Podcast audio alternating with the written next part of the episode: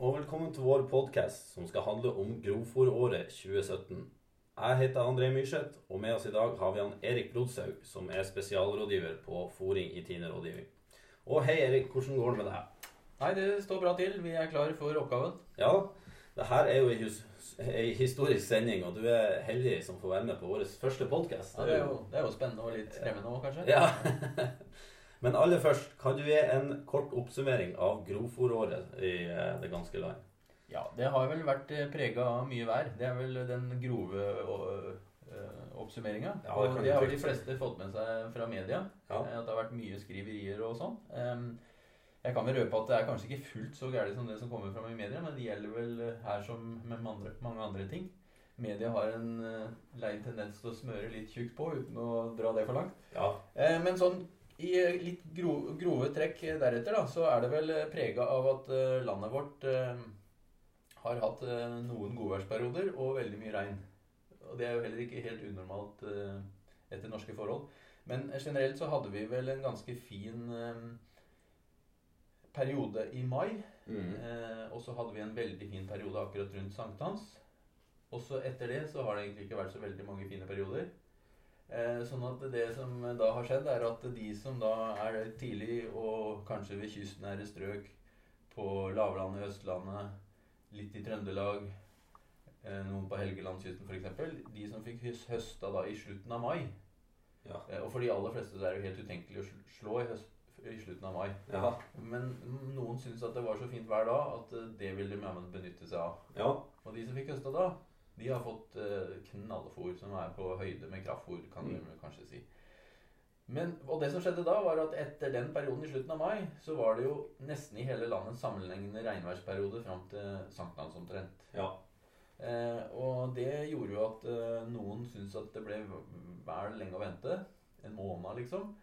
Eh, de så at det, det, at det skøyt, og at uh, fôrkvaliteten så liksom formelig at fôrkvaliteten gikk nedover dag for dag. Så noen tok jo bare rett og slett og slo omtrent og pressa rett i strengen uten fortørking, for det regna jo jevnt overalt, nesten. Ja.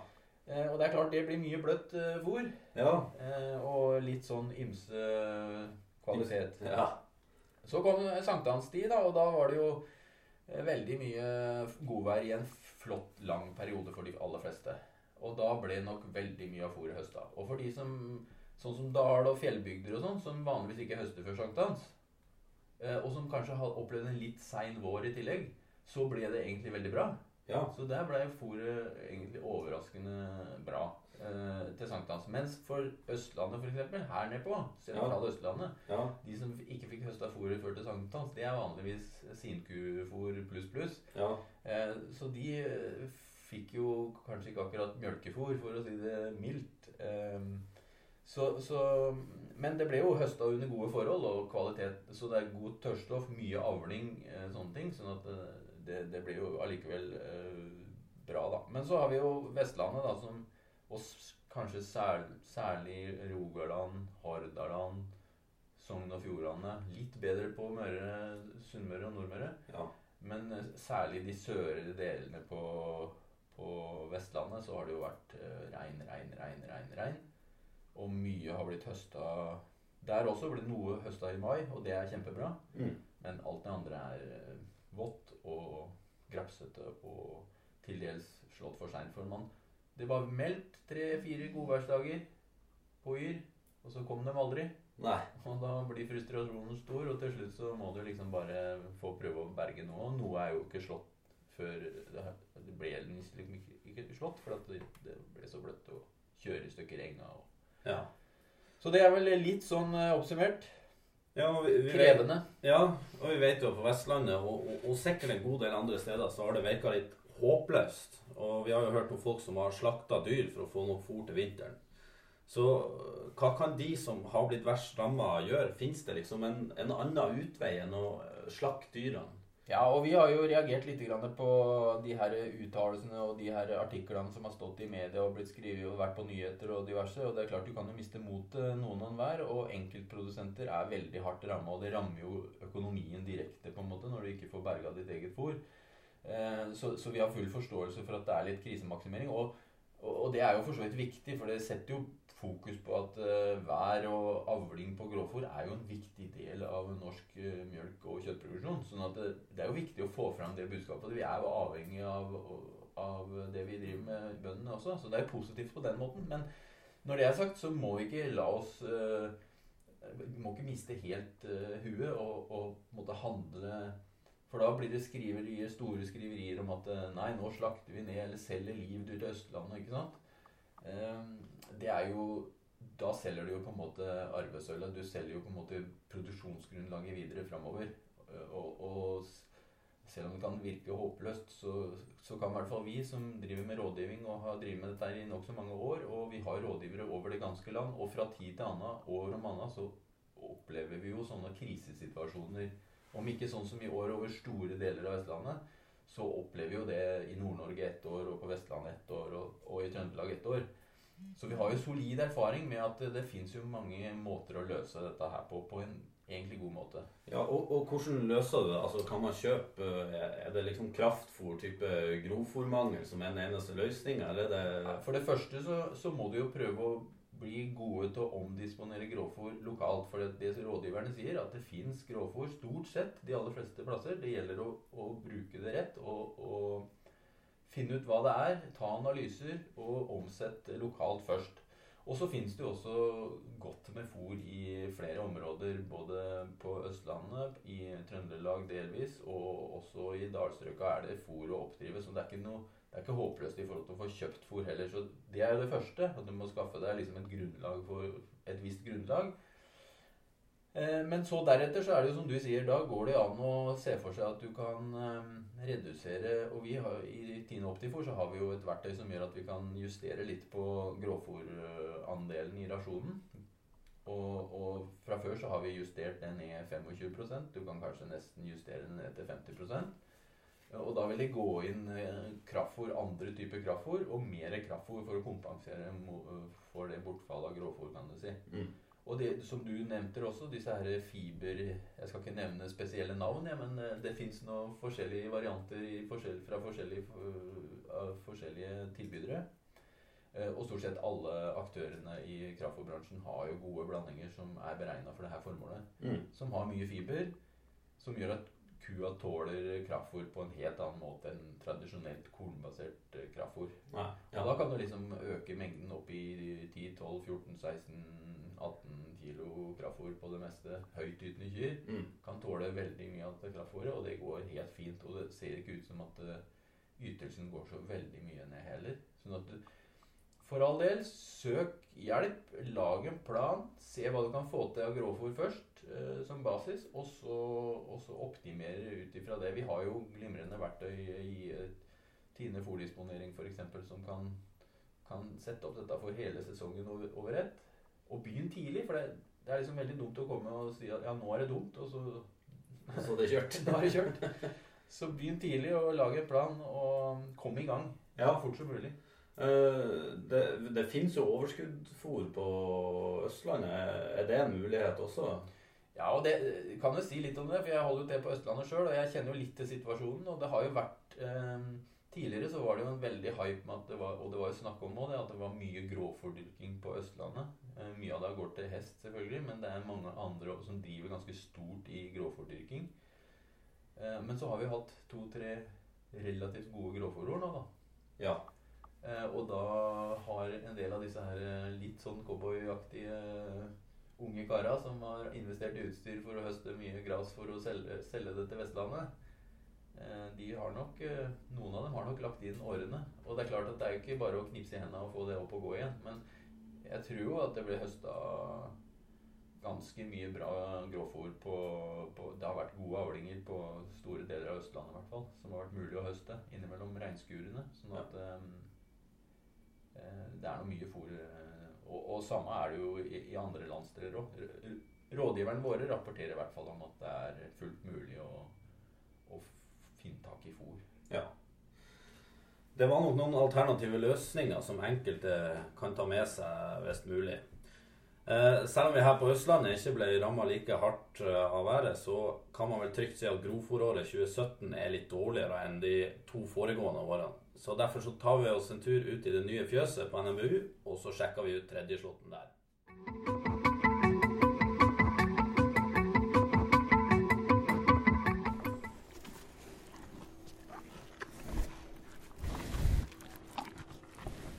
Yes, Erik, da er vi her i NMBU-fjøset. Eh, og du står her med å ta fòrprøvene med noe som heter X-NIR. Det ser litt ut som en slags pistol med en, eh, med en eh, laserfunksjon foran, et, et lys og så en, en skjerm bak. Hva, hva er det her for noe? Ja, dette er jo en helt ny ting som vi driver og tester ut uh, om dagen. For å se om det kan brukes som et, uh, om ikke annet, et supplement til de vanlige, ordinære NIR-analysene. Og det er egentlig et NIR-apparat, dette her òg. Men et NIR-apparat som kan gå på våte prøver. Sånn at vi kan ta prøvene direkte ute i fjøset. Og når du For- sier, når du sier NIR-analyse, hva, hva vil det si? Nei, det er jo en, en slags lyskilde som sender ut en uh, lys med en spesiell bølgelengde. Og så reflekteres det tilbake uh, i forhold til hva du peker mot med lyskilden. Og så får du ut ifra det en algoritme som beregner innholdet av næringsstoffer i den prøven som du tar. Da. Så her i den her så får du tørrstoffet.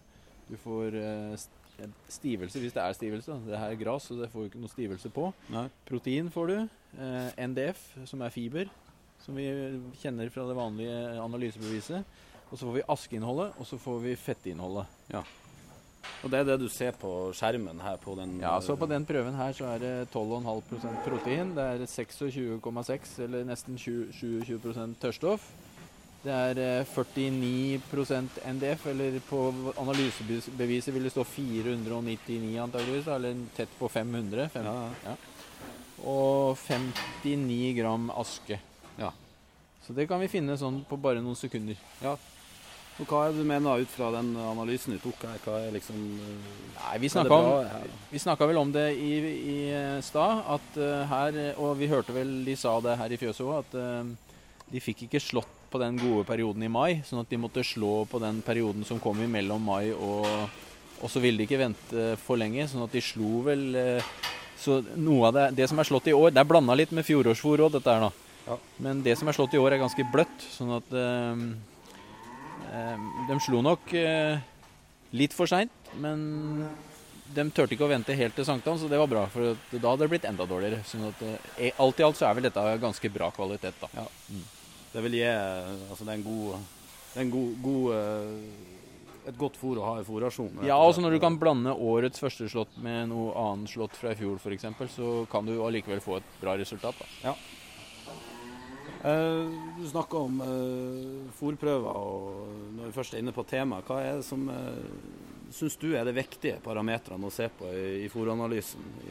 Ut ifra det med tørrstoff og Ja, hvis du tenker på den vanlige analysebeviset, så er det jo først og fremst det vi er mest opptatt av, er jo fiberinnholdet og fiberfordøyeligheten. Og det er jo gjerne da til sjuende og sist uttrykt i eh, noe som vi kaller for eh, OMD, Ja, eh, som mange sikkert har sett. Ja hva vil altså OMD, OMD sånn kort fortalt? Det er forkortelse for det er En engelsk forkortelse, da. Som står for Organic Matter Digestibility. Ja. Og det står jo det, På norsk så blir det fordøyeligheten av organisk stoff. Ja. Så eh, av alt organisk materiale i prøven så eh, indikerer OMD-en hvor stor andel av det som er fordøyelig for kua. Mm. Så vanligvis i Norge, eh, ut ifra de analysene vi har samla i år, så ligger gjennomsnittet rundt eh, 70. Det vil si at 70% av det organiske stoffet er fordøyelig i grovfôret i Norge som er høsta i år. Ja. Og der, der har vi egentlig ligget de siste åra, pluss minus. Ligger og vandrer rundt 70. Ja. Eh, så kan man diskutere om det er bra eller dårlig. Eh, og det er litt ettersom hva slags formål du skal ha dette. Da. Men hvis du skal ha dette kyr og, som skal mjølke, og hvis de skal mjølke ganske mye, og kanskje uten at du skal bruke altfor mye kraftfôr, så er det jo ønskelig å ha den høyere, vesentlig høyere, egentlig. Ja. Og noen ligger jo også vesentlig høyere i Norge. Ja. Jeg var senest i Danmark på en foringsdag fôringsdag der, og der snakker de om 80 som det optimale Ja. på gras. Men da, det er ikke så mange i Norge som er noe særlig over 80. Og hvordan skal du på en måte oppnå den høye OMD-verdien? Ja, det henger jo veldig sammen med høstetidspunktet.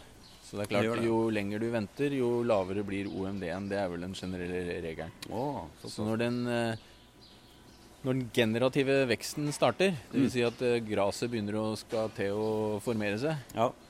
da går det fort nedover med OMD-en. ja. Så det gjelder å være på hugget og slå eh, litt før, før det skjer, da. Men hva, altså, en kan jo på en måte ikke slå alle slåttene tidlig. Hva, har du noen sånn strategi du ville anbefalt? Det? Nei, det er riktig. Og, og, og da er jo det evinnelige spørsmålet skal vi slå Det er litt ettersom hvor du er i landet. da. Skal du slå én eller to? Skal du slå to eller tre? Skal du slå tre eller fire? Skal du slå fi, fire eller fem i Danmark? da? Ja. Eh, Det blir akkurat den samme diskusjonen uansett. Det er liksom eh, Hva er eh, rasjonelt? Hva er økonomisk? Hva er eh, Det har jo også noe med overlevelsesevne, eh, overvintringsevne for eng osv. Så, videre. ja. så det er jo mange faktorer som spiller inn her. Så det er ikke så lett å si noe entydig om det. Men eh, generelt så er det jo ofte førsteslåtten hvor vi har de beste forholda og kanskje har den eh, og, og hvis du kommer riktig ut på førsteslåtten Mm. Og kanskje er, våger å høste litt før eh, det du hadde eh, kanskje til og med tenkt, sånn som de som kanskje fikk høsta i mai, da når det var kjempefine forhold. Eh, sier jeg ikke at alle skal høste i mai, for det er jo ikke mulig. Noen steder ligger jo snøen i mai. Men Ja. eh, i hvert fall etter forholdet, da, eh, bruker de godværet som er tidlig, og får berga et bra fôr på førstelotten. så, så har du i hvert fall det i boks. ja. Så får du heller, da, kan, da har du egentlig, kan du heller sjonglere litt mer på annenslåtten, eller eventuelt ja, For de som har flere slåtter, så blir det jo enda mer å sjonglere på. Ja. Nei, men Det er jo spennende å høre betraktningene dine, Erik. Eh, da tror jeg egentlig vi sier takk for oss her på NMBU-fjøset. Og, så, eh, og så sier jeg takk til deg, Erik. Ja, takk, takk. for spennende, spennende innspill.